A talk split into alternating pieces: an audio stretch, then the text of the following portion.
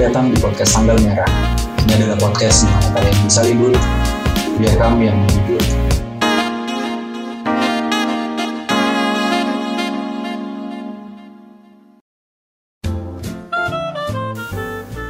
Oke, balik lagi sama kita di Tanggal Merah Podcast. Dan hari ini kita, aku, Momo, dan Dre, kita akan ngobrol salah satu topik yang sangat menarik, topik yang seru harusnya. Kita bahas topik tentang agnostisisme atau gampangnya disebut agnostik.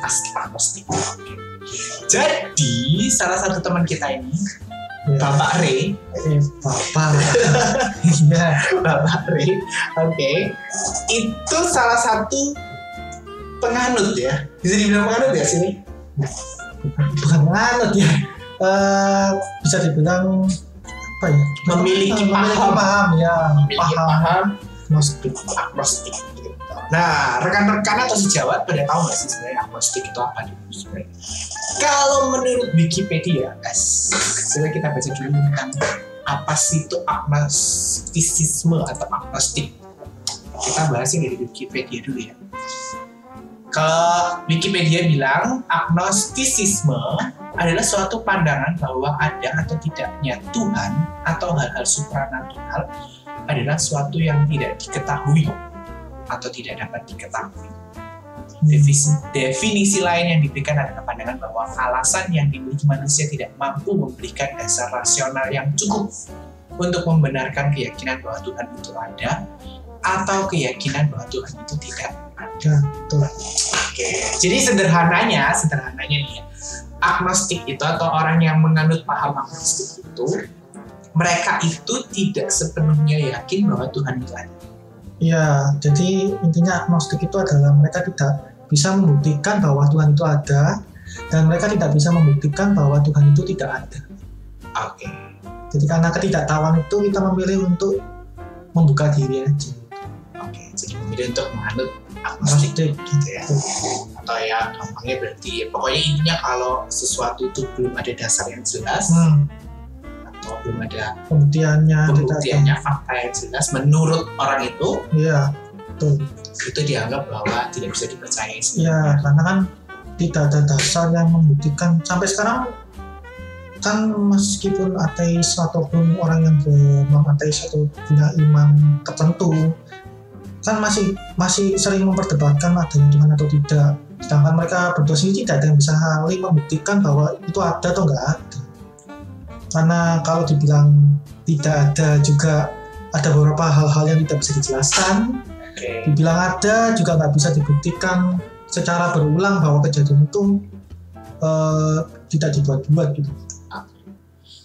Tapi buat teman-teman, buat rekan-rekan sejawat ini, ah, jadi ini, ada bedanya antara agnostik sama Ateis ateis ya. ya, ya. Ya, Kadang mungkin kalian agak mungkin bingung ya apa Ah, perbedaannya. Jadi kalau bisa dibilang sih sebenarnya agnostik ini di tengah-tengah antara orang yang percaya Tuhan dan orang yang tidak percaya Percaya. Tuhan atau ateis. Di, kalau di tengah-tengah ya. nah, kalau orang ateis ya. bilangnya agnostik itu ateis banget.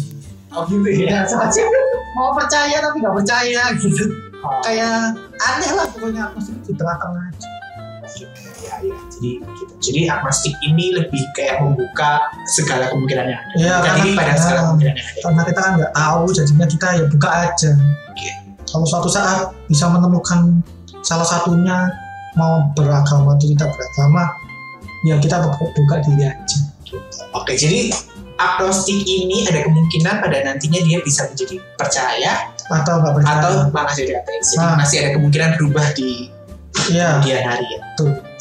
Jadi tidak ada penganut agnostik yang terus sampai selamanya. selamanya bisa Bisa jadi bisa sih, ya. jadi oke. yang umur manusia juga nggak tahu ya yang pasti dari ini besok meninggal ya kan juga apa sih selamanya gitu jelas Oke, oke. Nah, tapi yang menarik, seorang Ray, hmm. kalau kita ngomong agnostik ini kan masalah kepercayaan ya, masalah betul. sama Tuhan ya, hmm. masalah berhubungan juga berarti sama agama ya. ya pasti Kalau boleh tahu nih ya, hmm. tapi kamu lahir sebagai seorang agnostik enggak dong pasti? enggak kamu lahir sebagai Lagi. ya iya dong. Iya. tidak berpikir apa-apa. maksudnya keluarga beragama Lagi Katolik. oke nggak apa-apa ya kita bahas ini Ya, karena kita akan membahas topik yang menarik sebenarnya dari Ray. Silakan. jadi dari kecil kamu sebenarnya orang tua tapi sorry, sorry. Kalau boleh tahu nih kalau, Ah. kalau boleh dibuka. Orang tua tahu kamu punya paham? Hmm, kurang. Paham, tahu, tahu tapi nggak tahu gitu. Nggak secara Nah, Jelas, secara iya. jelas tahu. jadi kamu nggak secara nggak jelas. Mereka juga nggak tahu artinya agnostik itu apa. Kalau takutnya juga nanti kalau dibilang agnostik nanti dikira saya ateis. Padahal saya nggak ateis. Oke, jadi gitu ya. Dan untuk teman-teman rekan-rekan sejawat semuanya, jangan memandang pembicaraan kita ini secara ini ya. Ini disclaimer dulu ya, disclaimer. Hmm, disclaimer ya. Disclaimer. Apa Jangan memandang ini untuk memandang ini sebagai kayak penistaan agama atau penistaan. Saya tidak berusaha menghasut kalian untuk tidak percaya. Ya, kita cuma mau cerita dari segi eh, apa sih itu agnostik, terus Hmm, uh, kenapa teman kita ini bisa sampai agnostik kayak gitu gitu ya dan pengalaman-pengalaman sebagai agnostik itu aja kita mem- membedah dari sisi yang lain seorang agnostik ya hmm, sharing aja. sharing aja tuh tidak ada maksud mau menyinggung agama atau kepercayaan atau apa yang kita ya apa yang keluar dari mulut saya itu belum tentu benar. betul Itu cuma opini dan pengalaman pribadi. ya jadi ini cuma sekedar pembicaraan omong-omong kosong di waktu libur kita di Iya. hari libur kita Untuk di pengalaman. tanggal merah makanya tanggal merah podcast oke oke lanjut lagi ke pembicaraan kita jadi karena Ray jadi kan Ray dibesarkan dalam keluarga yang beragama Katolik Katolik. jadi kamu ke gereja ya gereja tuh. membaca Alkitab Ya, belajar rajin. kitab Saya tak dulu Katolik yang tak. oh iya Ya, apa aku oh, Apa? gitu. kamu jadi apa kitabnya ya nggak detail cuman tahu semua cerita terus aku tahu terus masalah kalau di Katolik kan ada struktur-strukturnya tahu liturgi itu ya begini terus kan ada paus itu jabatannya seperti apa uskup itu apa sampai hierarkinya itu tahu. Cukup taat. Cukup taat sampai usia berapa ya. Jadi agnostik enggak enggak maksudnya taatnya taatnya. Taatnya sampai SMA kelas 3 oh ya lulus SMA baru mulai. Jadi umur sekitar 17 tahunan. Mempertanyakan dia tuh. 17 tahunan sekarang umur 24 Berarti sekitar 7 tahunan ini lah ya 7 tahun Hmm. belakangan ini ya Mestinya ya Nah tapi yang menarik Sebelum kamu memutuskan jadi agnostik ya Kamu punya cita-cita yang eh, Bagus ya sebenarnya. Bukan cita-cita sih. Apa, apa? Punya keinginan? Ya punya keinginan untuk menjadi seorang masuk ke sekolah frater jelasin dulu frater itu apa karena aku sendiri nggak tahu ya frater itu apa Frater itu- calon romo. Calon romo itu ya. Romo kan pemimpin agama di katolik. Frater itu sebelum jadi romo kayak ada tingkatannya. Jadi jadi frater dulu ada sekolahnya. Nah untuk menjadi seorang frater itu ya kayak orang kuliah gitu. Jadi ada sekolahnya sendiri nanti mereka akan ditempatkan di mana ditugaskan untuk misionari di mana gitu gitu nah untuk menjadi seorang frater itu eh, ada beberapa pantangannya misalnya kan sebagai seorang frater itu harus melepaskan keinginan duniawimu nah itu juga salah satu salah satu ke melepaskan salah satunya itu yang membuat saya itu tidak mengurungkan niat ya. eh ini saya, saya sebentar bentar. jangan ke situ dulu sebentar jadi kamu ingin jadi frater frater itu tadi sudah dijelasin ya. Calon romo atau pemimpin agama di katolik ya. Ya oke. jadi kalau di Kristen ada pendeta di Hmm. Muslim aja apa ya kiai. Jadi, ya, jadi mau jadi pemimpin agama. Nah, Jadi kalau orang sampai punya keinginan seperti itu berarti bakal ada. ya ya pasti. Kenapa kamu sampai waktu itu berpikiran mau jadi faktor atau mau jadi romo berarti kan ya? ya Apa sih triggernya gitu? Hmm, karena kenapa ya? Karena karena aku tuh pengen menjadi manusia yang sempurna menjadi manusia yang sebaik-baiknya gitu. terus ya menurut menurutku pa- pada waktu itu yang menjadi seorang pelatar itu bisa membantuku menjadi manusia lebih baik lebih sempurna daripada yang sekarang gitu. Nggak Itu terjebak yang dulu waktu itu ya? Ya yang dulu. Waktu itu sekarang waktu itu. Terus ya, bisa melepaskan hawa nafsu tentang duniawi itu kan merupakan sesuatu yang menurutku seharusnya manusia bisa lakukan untuk mencapai tahap spiritual yang lebih tinggi gitu. Nah, menjadi orang terus kan seorang frater itu kan itu kan eh, banyak membantu orang melayani tidak tidak memikirkan masalah uang gitu. Itu nah itu membuat kayak ada rasa itu jadi manusia yang lebih berguna gitu. Nggak cuma memikirkan diri sendiri tapi juga mikir lain ya intinya berbuat baik ya. dari awal lahir dari kecil sih sudah punya moral kompas yang jelas. Oke. Menarik nih ya. Seorang anak kecil udah punya moral kompas Iya. yang jelas ya. Aku tahu mana yang salah mana yang baik dan cukup idealis dengan hal itu makanya sering berkelahi sama guru dulu oke kayak gitu gitu karena menurutku itu bukan hal yang benar tapi dilakukan. Kayak gitu itu saya berani saya berani melawan dan berani melawan karena menurutku hal baik itu ya harusnya baik nggak bisa ditolerir kalau baik ya baik gitu. Ada ah, dulu mah paham itu ada hitam dan putih. Hmm. kalau semua hal itu ada yang baik dan yang buruk dan begitu ada mana baik itu nggak ada. Jadi ada yang benar. Ada salah. Mutlak benar dan mutlak salah.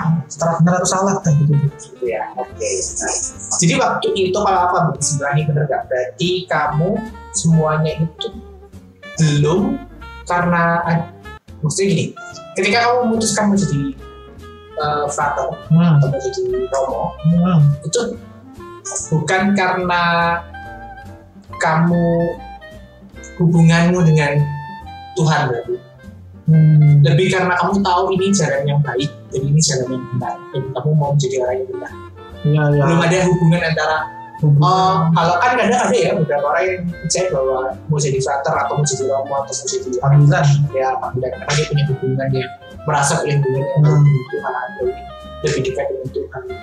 Hmm, Kalau kalau kamu berarti lebih ke masalah baik dan benar, iya betul hitam dan putih. hmm, karena dari gimana ya, karena menjadi seorang Katolik itu eh, ajaran itu menurutku hal itu yang membuat aku jadi mendalami Katolik benar gitu.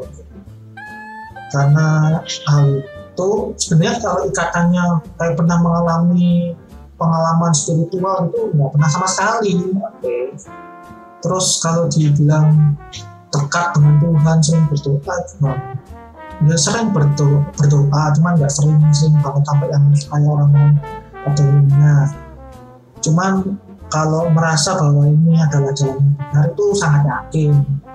Cuman kalau untuk merasa bahwa hubungan dekat-dekatan dan merasakan hadirat Tuhan di hidup itu enggak sih. Belum waktu itu. iya belum. Ya, enggak karena sekarang enggak.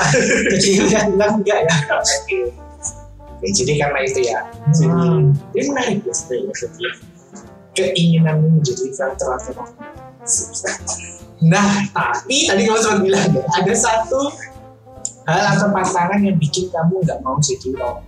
Eh, nggak mau jadi frater akhirnya itu karena Ya, mintannya karena Romo di Pater itu nggak boleh, tidak boleh nikah. Katanya sulit ya. Saya masih suka perempuan, ya mencintai perempuan, dan ingin menikahi. ingin menikahinya dan ingin memilikinya gitu.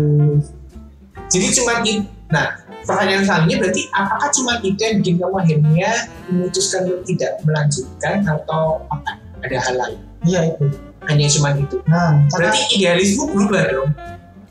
Kan kamu waktunya awalnya pertama yakin bahwa hal yang benar ada hal yang benar dan yang salah dan yang Hmm. benar itu menjadi flatter waktu itu kan jalan Iya. hidup yang benar itu adalah menjadi flatter. nah, Tapi kemudian karena kamu tahu bahwa nggak boleh nikah ya, sama flatter, jadi kamu mengubah apa yang benar bukan prinsipmu yang benar. bukan baru tahu terus gak menyerah. Hmm, Sudah tahu berusaha Oke.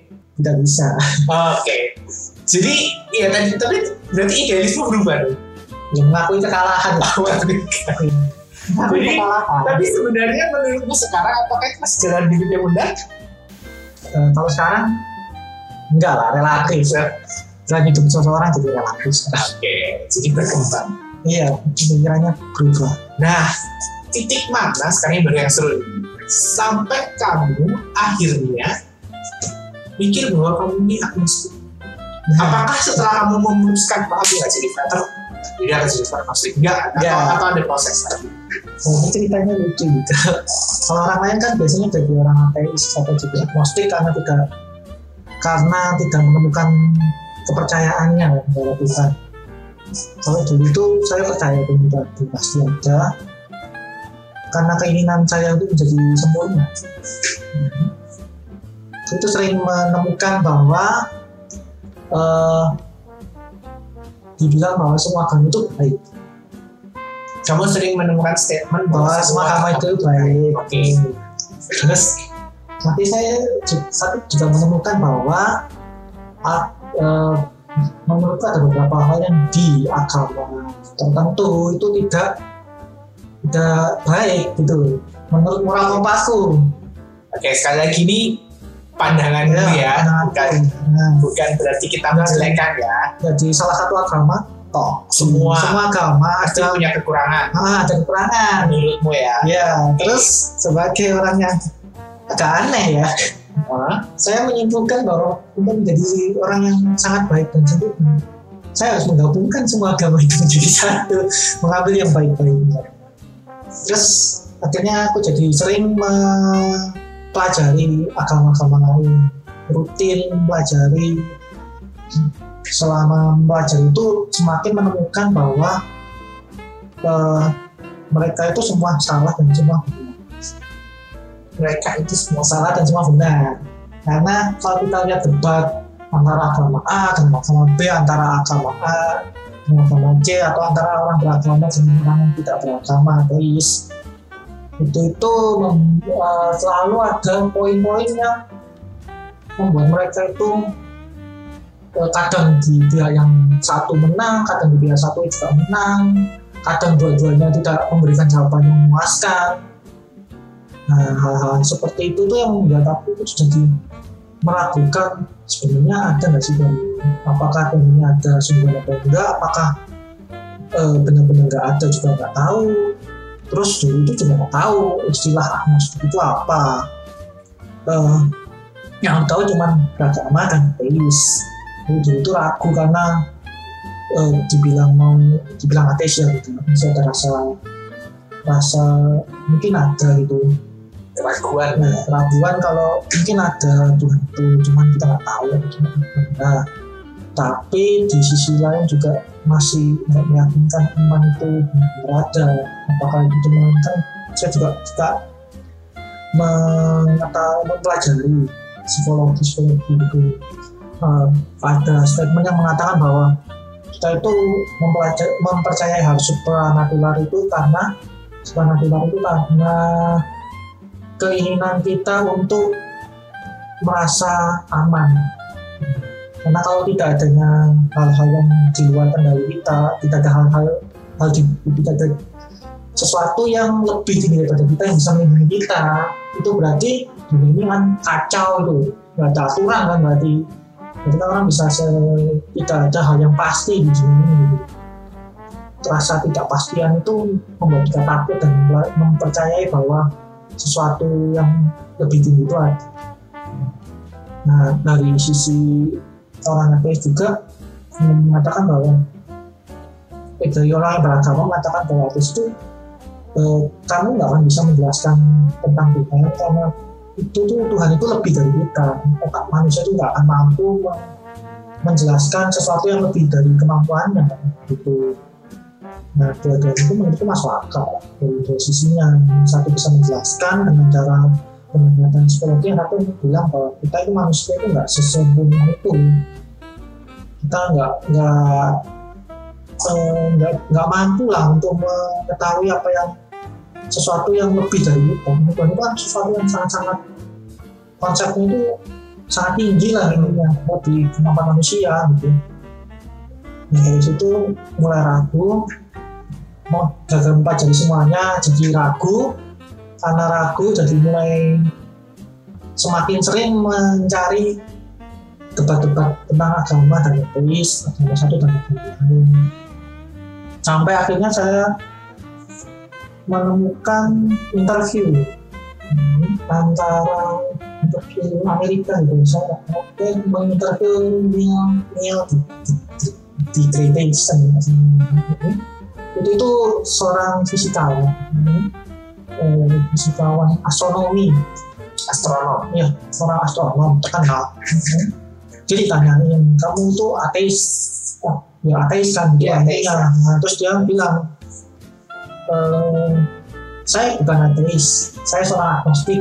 Saya tidak bisa membuktikan bahwa Tuhan itu tidak ada dan saya tidak bisa membuktikan bahwa Tuhan nah dari video itu saya ini ini ini, ini yang saya cari ini saya banget saya mencari posisi saya di mana akhirnya menemukan gitu kalau si Neil itu ngomong gitu Oke, jadi tapi ada menarik sih tadi sebelum kita bahas lagi lagi lagi. hmm. Ada satu statementmu yang menarik. Kamu bilang kamu mau menjadi sempurna. Hmm. Makanya kamu mempelajari semua agama itu, terus akhirnya kamu jadi menyimpulkan diri uh, sampai pada satu kesimpulan bahwa kamu tidak benar-benar yakin bahwa Tuhan itu ada Hmm. dan bahwa kamu tidak benar-benar yakin bahwa Tuhan itu tidak ada. Iya, betul. Sebelum sampai ke situ, kamu mau menjadi sempurna. Nah, sempurna manusia sempurna ya. Hmm. manusia sempurna definisimu itu kayak apa sih? Sampai kamu akhirnya harus mencari jawaban. Iya, iya. menurutku menjadi manusia yang sempurna itu ya lebih dari orang lain bisa kan kita punya sesuatu yang eh, keinginan yang membuat kita itu menjadi buruk gitu. keinginan buruk itu lebih besar daripada keinginan berbuat baik Hmm. kayak orang bekerja sama disuruh bekerja atau tiduran kan diingin tiduran daripada bekerja Kayak sama-sama ini kan pasti ingin tidur kan Iya sampai nggak mau. ya, ya kan? kayak gitu gitu maksudnya kalau orang bisa melawan itu semua itu itu sudah mencapai tahap yang menjadi manusia yang lebih baik karena kan manusia lahir dengan banyak keburukannya dan sifat buruknya tapi kamu bisa melawan berarti kamu jadi orang lebih baik Jadi orang yang sempurna itu orang yang bisa berhasil melawan semua hal buruk Hmm. dalam dirinya. iya Dalam dirinya ya, bukan bukan orang luar nggak Iya. ada urusan dalam dirinya. Dan yang keluar adalah hal-hal lain. iya tuh Nah, sampai sini kamu sudah sem- sempurna ya? Kamu Sudah. sudah merasa itu belum? Hmm. Sampai pada kesimpulan setelah saya jadi agnostik saya membatalkan keinginan saya jadi orang yang sempurna karena menurutku semua jadi relatif saya jadi memahami paham relativisme Oh, semua hal itu relatif ada dari semua hal itu baik dan buruk itu semua ada itu tergantung dari sudut pandang jadi pandangan hidupmu berubah ya? ya, berubah total Berubah total ya? Total. Dari yang ingin jadi sempurna versi kamu, nah, jadi bahwa semua itu kemungkinan terbuka. Jadi kamu menjadi orang yang benar-benar terbuka sekali. hmm, terbuka sekali nggak Terbuka sekali ya, tidak ada. nggak ada yang benar nggak ada yang salah kan ada yang nggak ada yang tahu at least nggak ada yang tahu sampai sampai sekarang belum tahu Nah kalau kembali ke tadi kamu akhirnya menyimpulkan bahwa kamu menjadi agnostik hmm. dan tidak yakin bahwa Tuhan itu ada, tidak yakin juga bahwa Tuhan itu tidak ada. Nah, titik mana atau uh, statement apa yang membuat kamu yakin bahwa Tuhan itu ada dan statement apa yang membuat kamu tidak yakin bahwa Tuhan itu tidak ada? Hmm, oke. Kalau statement mana Tuhan itu ada, itu karena karena kita tahu bahwa manusia itu masih banyak hal yang tidak bisa mereka jelaskan. Gitu. Contohnya, Contohnya ya kayak eh, let's say laut lah, laut. Kita kan cuma baru mengeksplor 5% dari laut kita. ya, Nah, yaitu konsep yang sama kalau saya terapkan ke pemikiran juga. Kalau kita cuma bisa mengeksplor, selama ini manusia sudah hidup jutaan tahun. Lima, baru bisa mengeksplor laut cuma 5 persen. Ya, bayangkan dengan sesuatu yang lebih tinggi lagi. Jadi masih ada kekuatan ada kuasa yang lebih tinggi dibanding manusia ini. sesuatu yang entah itu mungkin bisa alien atau bisa emang Tuhan kita nggak tahu kalau yang di bumi aja cuma bisa lima persen apalagi yang di luar sana yang bayangkan sebuah pencipta alam semesta ini gitu. Berarti mungkin ada eksplorasi kita ke luar angkasa aja nggak nyampe. ada sesuatu di Iya, luar sana yang kita nggak mampu Ya. ya, kita nggak mampu. Bisa makhluk hidup lain bisa Tuhan. Kita nggak pernah tahu gitu. Jadi untuk menyatakan bahwa Tuhan itu benar-benar kita juga terlalu terlalu cepat mengambil keputusan gitu. karena kita tidak benar-benar tahu itu. ya tuh Kalau statement yang bilang kamu merasa bahwa Tuhan itu nggak ada. itu karena seringnya banyak melihat debat debat antara orang ateis dan orang agama semua agama mereka itu eh, sering bilang sering sering curang istilahnya dalam mendebat sesuatu karena mereka kalau kalau dikasih pertanyaan? Kalau nggak bisa jawab tinggal bilang itu karena kuasa Tuhan. Sesuatu yang menurutnya nggak bisa dijawab itu tinggal jawab itu kuasa Tuhan kita nggak mampu. Gitulah ini tidak bisa menjelaskan sama sekali kenapa itu terjadi. Apakah pertanyaan nggak bisa mengonter jawabannya dan contohnya dengan ini sesuatu yang lebih kuat daripada kita ya udah terima aja gitu. Ada contoh nggak? Satu misalnya apa pertanyaan apa yang misalnya dijawab dengan seperti itu? Pernah ingat nggak? ya ya misal di di dulu waktu kuliah waktu pelaj- ada pelajaran filsafat agama langsung saya bilang gini teori Big Bang nggak masuk akal karena kemungkinan terjadinya sangat kecil Big Bang terjadi terus menciptakan suatu tatanan tatanan tata surya yang sangat baik sampai bisa ada makhluk hidup di dalamnya. Itu kemungkinannya kecil sekali. Terus terlalu kecil dan pas dia yakin bahwa ini nggak mungkin terjadi karena kebetulan. Kebetulan kok sangat sempurna gitu, sangat bagus. Pasti ada yang mendesain gitu. Terus dia mengumpamakan itu seperti kamu bayangkan kamu itu ditutup matanya terus harus mengambil bola hitam di antara tumpukan bawah putih yang jumlahnya jutaan gitu. Tapi setiap kali kamu ngambil harus dikembalikan lagi. Kan nggak mungkin dapat dapat nah menurutku itu analogi yang salah. Karena kita merasa tidak mungkin karena kita terbatasi oleh waktu. Kalau kita dikasih waktu yang kan itu energi eh ledakan itu terjadi karena energi. Energi kan abadi kebakaran energi. Kalau energi itu abadi tidak masalah berapa waktu yang di- dibutuhkan selama kemungkinan itu ada ya bisa aja terjadi. Bisa satu banding satu kuantiliun gitu kan banyak sekali. Tapi kan ledakan terjadi terus sampai satu itu keluar kan bisa gitu. Karena itu abadi. Ada probabilitasnya, ada Hmm. kemungkinannya. kayak misalnya saya kasih dek kartu suruh kocok harus sekali buka keluar as kok kalau nggak bisa balikan lagi. Kocok lagi gitu. Kalau kamu kasih waktu cuma satu jam nggak mungkin. Salah satu jam dapat itu kemungkinan kecil kan? Kalau kamu kasih seumur hidupmu sampai keluar? Kan pasti suatu saat keluar kan? Kayak gitu. Jadi ya, Kayak gitu. Dan itu ketika kamu bantah, ya itu iya iya kan nggak misteri. misteri lagi gitu. Terus misal mereka itu juga sering menggunakan dasarnya itu adalah bukunya mereka sendiri hmm. menurutku nggak fair gitu Kamu menjadikan dasar argumen itu menggunakan kitab sucimu sedangkan kitab suci saja si pendebatnya tidak percaya gitu kayak kalian mendebat bahwa Harry Potter itu nggak ada gimana caranya membuktikan bahwa Harry Potter itu ada ini tertulis di buku Harry Potter ya kan konyol banyak kayak gitu Jadi sekarang kamu pada sampai pada satu kesimpulan bahwa kalau segala sesuatu itu harus ada fakta ilmiah. ya kalau nggak ada fakta ilmiahnya jangan mengklaim bahwa itu benar gitu.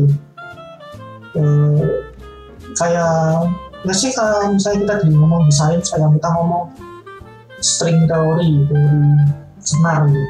Itu kan juga bisa dibuktikan makanya itu teori. Cuma kan kalau ditanyakan ada dasarnya kenapa teori itu bisa terjadi kemungkinan kayak gini makanya nggak bisa di orangnya nggak mungkin ngomong bahwa ini benar aja. Karena itu emang teori doang. Ya, sama kayak yang kalian nggak bisa membuktikan bahwa itu benar-benar ada ya.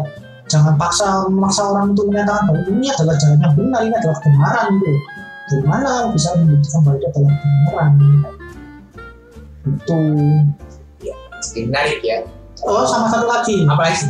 nih eh, orang beragama sering nggak percaya tentang teori evolusi mereka bilang ada misi ini misalnya dari dari dari mana ke mana itu nggak tidak dapat dijelaskan gitu loh ada Ada missing point. lah. ya ada ada, poinnya nggak bisa dijelaskan sama sains ini ada sains, ada satu bagian yang sains tidak bisa jelaskan.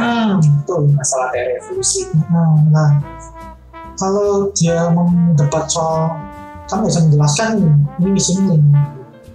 Ya, menurutmu agamamu ya apa? Kita suci mana pun pasti adalah missing link. Gak mungkin masih istilahnya dari manusia pertama sampai sekarang dijelaskan runtut per orangnya nggak mungkin. Bahkan itu missing link kan nggak menjelaskan dan itu cuma dalam maksudnya kalian bisa menjelaskan sejarah dunia ini dalam satu buku nggak make juga kan nggak mungkin tertulis semua secara detail kenapa kalau orang sains harus bisa menjelaskan dan orang beragama tidak bisa menjelaskan itu nggak masalah gitu loh. Kalau dalam itu namanya ignorant fallacy kalau jika A tidak sama dengan B maka adalah C. Padahal kan bisa aja D, E, F, G, H, I, J, K, dan seterusnya gitu. Kenapa pemilihannya jadi dibatasi Jadi kalau aku dengar ataupun hmm, pembahasan kita ini ya, jadi sebenarnya agnostik itu orangnya lebih ke percaya pada teori relativisme ya. ya pokoknya kita Segala sesuatu itu tidak ada yang pasti. nah, selama nggak terbukti secara jelas ya jangan diklaim itu benar udah gitu doang sih. Seperti itu Jadi kalau agnostik ini adalah lebih kepada supranatural Hmm, dan Tuhan hmm, ya sebenarnya tidak kalau tidak bisa dijelaskan dengan jelas secara ilmiah bukti yang jelas gitu ya, Hmm. menurut orang itu betul ya? Ya. Itu tidak bisa diklaim sebagai sesuatu yang benar. Iya betul. Jadi menarik juga ya agnostik ini tentang aliran agnostik tapi ya berarti ya sekali lagi ya kita nggak bisa menganggap orang agnostik itu ateis. Ya jadi tidak stigma itu jelas-jelas berbeda ya. hmm. Tapi kalau aku bilang bahwa orang agnostik ini orang yang sebenarnya mendekati orang-orang yang lebih ke sains ya, lebih ke nggak juga ilmiah nggak juga ya. ateis itu orang sayang. Makanya katanya kan ada believer kan non believer gitu. Kalau orang beragama kan believer. Mereka mempercayai agama mereka masing-masing. Tapi kalau mereka banyak orang agama juga mantap ya. Ateis ini juga believer. Believernya Iya, ke sains gitu loh. Agama mereka adalah sains gitu.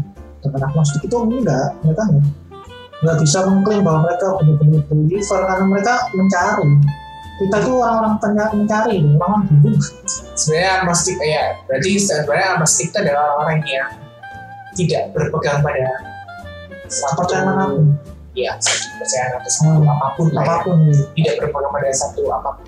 dan, dan jangan merasa bahwa menjadi agnostik itu enak karena saat kamu nggak ada percaya yang pegang kamu nggak tahu akan hidupnya ke mana. Kamu akan banyak merasa ada rasa-rasa bahwa eh, kalau ada suatu masalah suatu sesuatu yang menimpa kita kita nggak tahu harus berpegang pada apa? Misalnya let's say orang ateis ada masalah gitu mereka tahu bahwa di dunia ini tidak ada Tuhan gitu kan. Ya mereka menggunakan kemampuan mereka dalam saya untuk menyelesaikan masalahnya mereka yakin bahwa Tuhan itu tidak ada jadi mereka membuat melakukan sesuatu yang menurut orang beragama itu aja berdosa mereka nggak akan masalah karena itu yang penting masalah mereka terselesaikan gitu. Sedangkan orang beragama dibatasi tidak boleh berbuat dosa dan sebagainya. Tapi mereka ada orang yang ada sosok yang mereka percayai bahwa akan menyelesaikan masalah mereka kalau mereka stick pada peraturan itu. Sedangkan agno- agnostik kan bingung. Nggak dua-duanya. Ya. iya mereka mau berbuat dosa maka ragu kok benar-benar ada gimana gimana gitu. Tapi kalau nggak berbuat nggak ada yang bisa mensupport kita tidak, tidak ada sosok yang kita bisa andalkan. Perasaan tidak nyaman perasaan tidak nyaman itu sering terjadi. Terutama di, di aku ya. Orang apa kita nggak tahu sih. Cuma kalau dia tuh sering kayak gitu karena ya kita nggak tahu aja kita harus melakukan hal ini benar apa enggak karena kita kan benar-benar di posisi nggak tahu. Jadi kita selalu mempertanyakan yang saya lakukan ini benar apa enggak? Gitu. Apa jangan-jangan sia-sia? Apakah jangan-jangan salah? Nah hal kayak gitu yang membuat jadi bersyukur kalau kalian itu punya kepercayaan. Punya satu pedoman iya. satu pegangan. Nah, itu bersyukur sekali karena itu membuat hidupmu lebih lebih lebih nyaman ya lebih mudah. Serius. Jangan jadi agnostik. Jadi agnostik jangan jadi agnostik. Ya enak ya tapi itu sebenarnya keputusan kan. Hmm. ketika kamu menjadi agnostik itu keputusanmu sendiri kan. Iya. karena kamu uh, mendengar kamu mendapat banyak informasi dan kamu mencermati sendiri. Jadi itu menjadi kamu uh, menjadikan kamu jadi agnostik. Jadi sebenarnya tadi mau tanya sih apa sih kesusahanmu sebagai agnostik? Kan berarti tadi itu ya salah satunya bahwa kamu tidak punya pegangan lah tidak punya satu pedoman yang bisa membuat kamu uh, ketika menentukan sesuatu oh ini yang benar ini yang salah itu ya salah. susah susah. Susah. Itu kesusahan sebagai agnostik tapi kalau dalam kehidupan sosial? Depan sosial hmm, kamu pribadi? Apa teman-teman kayak mengucilkan atau enggak ya? karena agnostik kan itu masih masih masih bisa melihat bahwa kenapa orang percaya kenapa orang nggak percaya. Beda kalau orang ateis sama orang beragama kan bentrok karena mereka kan. Yang satu yakin sekali tidak ada agama tidak ada Tuhan yang satu yakin sekali bahwa Tuhan itu ada. Jadi mereka lebih sering bentrok. Kalau orang agnostik kalau orang lagi cerita tentang Tuhan ya didengarkan mungkin benar. Orang ngomong tentang Tuhan itu tidak ada juga Didengarkan. jadinya kayak ya kita orang netral orang kalau orang netral kan nggak mungkin dimusuhi orang netral main aman lah ya. Itu iya. Ya kita aman kan nggak tahu mau ke mana. Jadi untuk masalah sosial ya nggak ada nggak ada masalah lah ya. Hmm, cuman ya paling banyak yang nggak tahu kalau dipikir agnostik itu ateis gitu. Ya ya ya cuman memang banyak stigma yang beredar di masyarakat bahwa agnostik itu sama dengan ateis ya, katanya cara Padahal kalau sebenarnya kalau kamu pribadi, mungkin setiap orang agnostik beda-beda ya. ya pasti Tapi kalau kamu pribadi, benar eh, kan nggak mungkin ini 50 oh iya. Pasti ada yang lebih condong, ya mungkin 50-50 atau atau 50-50. nggak mungkin Nggak mungkin ya. Pasti ada pasti ada sesuatu yang lebih condong. Kalau kamu sendiri, susah sih. Bimbang soalnya. Kayak bawa hitam gitu kalau sekarang ya. Sekarang lah. ya, tanggal 8 dan 5 ya. Direkam ini. Nggak tahu tayangnya kapan. Ini kalau saat ini sih masih lebih condong ke tidak percaya Berapa?